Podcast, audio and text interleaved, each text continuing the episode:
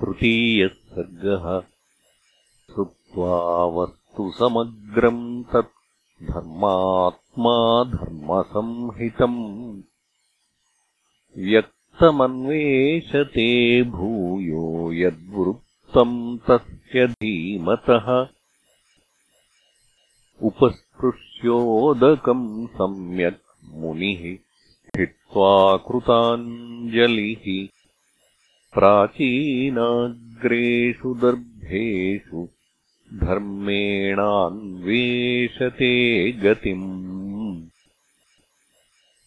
रामलक्ष्मणसीताभीराज्ञा दशरथेन च सभार्येण सराष्ट्रेण यत्प्राप्तम् तत्र तत्त्वतः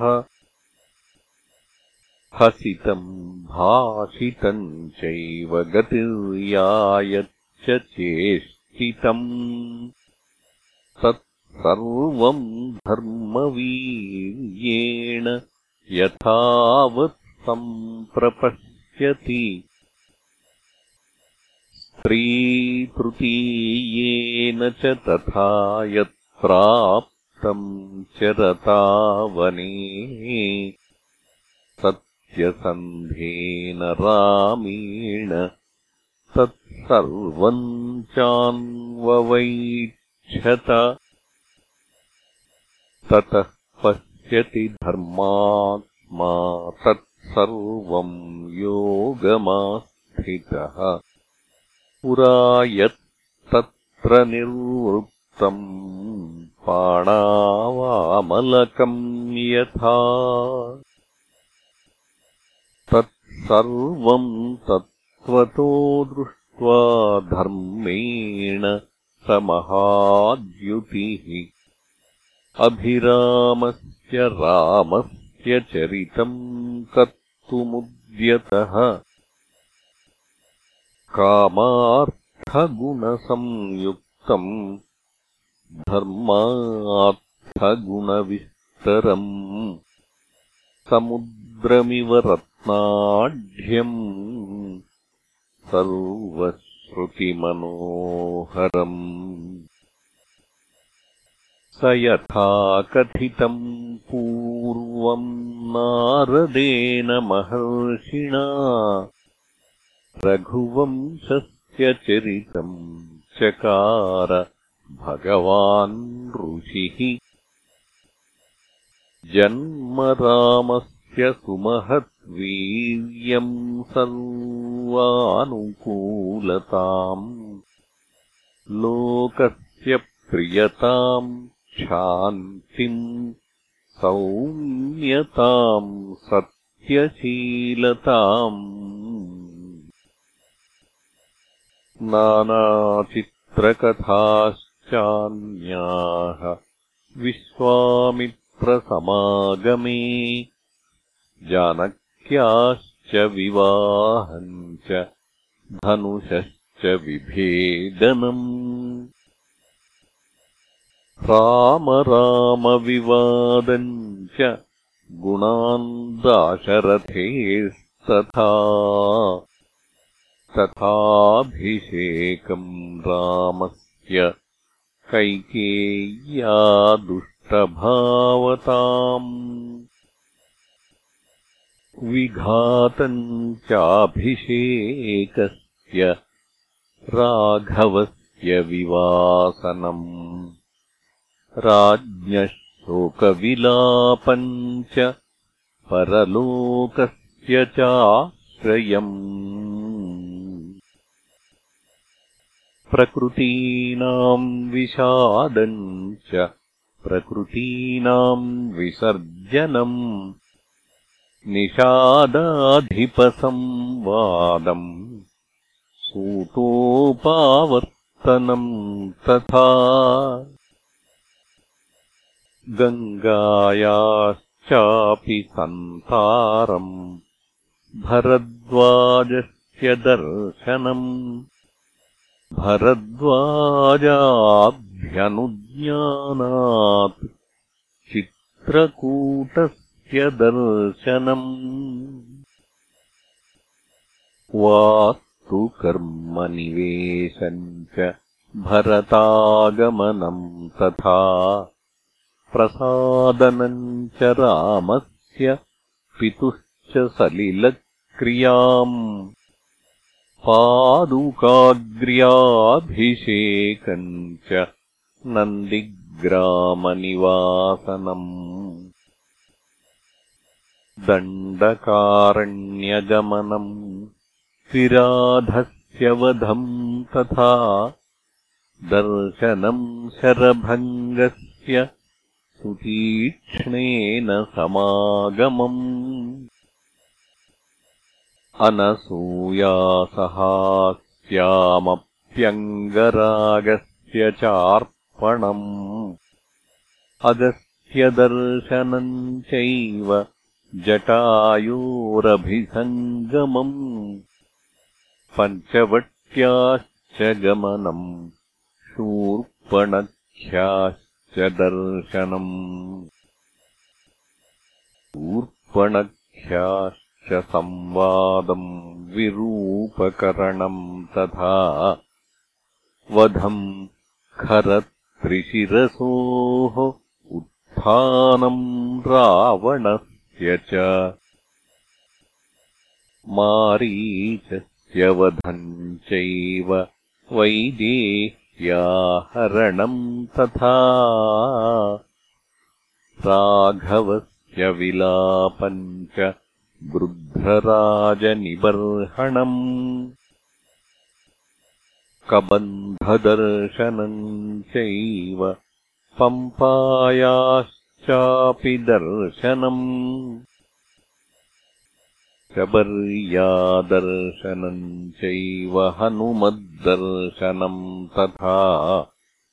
विलापम् चैव पम्पायाम् राघवस्य महात्मनः ऋष्यमूकस्य गमनम् सुग्रीवेण समागमम् प्रत्ययोत्पादनम् सख्यम् वालिसुग्रीवविग्रहम्। वालिप्रमथनम् चैव सुग्रीवप्रतिपादनम् ताराविलापम् समयम् वर्षरात्रनिवासनम् कोपम् राघवसिंहस्य बलानामुपसङ्ग्रहम् दिशः प्रस्थापनम् चैव पृथिव्याश्च निवेदनम्। अङ्गुलीयकदानम् च वृक्षस्य बिलदर्शनम् प्रायोपवेशनम् चापि सम्पातेश्च चापि दर्शनम् पर्वतारोहणम् चैव सागरस्य च लङ्घनम् समुद्रवचनाच्चैव मैनाकस्य च दर्शनम् राक्षसीतर्जनम् चैव छायाग्राहस्य दर्शनम् सिंहिकायाश्च निधनम् लङ्कामलयदर्शनम्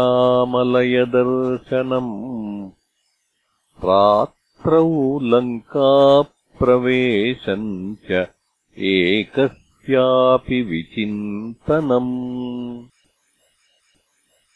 आपानभूमिगमनम् अवरोधस्य दर्शनम्।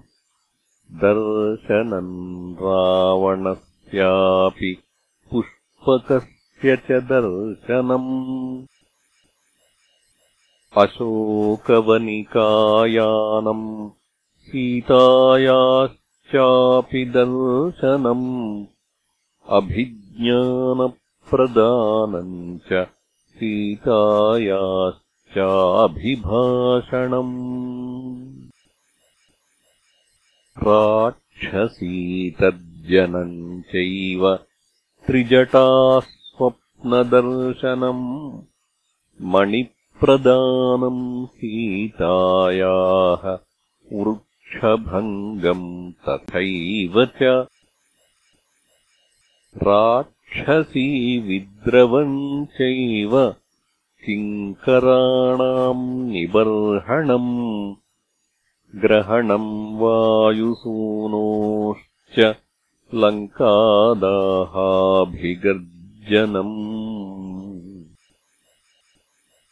प्रतिप्लवनमेवाथ मधूनाम् हरणम् तथा राघवाश्वासनम् चापि मणिनिर्यातनम् तथा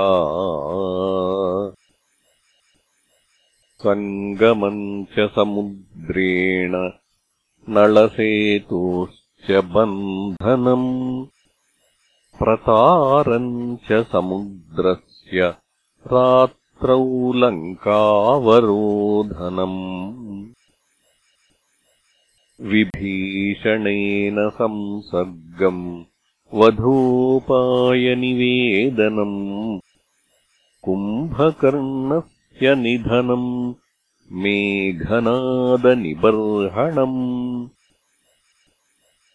रावणस्य विनाशम् च सीतावाप्तिमरेः पुरे विभीषणाभिषेकम् च पुष्पकस्य च दर्शनम् अयोध्यायाश्च गमनम् भरतेन समागमम् रामाभिषेकाभ्युदयम् सर्वसैन्यविसर्जनम् स्वराष्ट्ररञ्जनम् चैव वैदेह्याश्च विसर्जनम्। अनागतम् च यत्किञ्चित् रामस्य वसुधातले। तच्चकारोत्तरे काव्ये वाल्मीकिर्भगवान् ऋषिः। इत्यार्षे श्रीमद् रामायणे वाल्मीकीये आदिकाव्ये बालकाण्डे तृतीयः सर्गः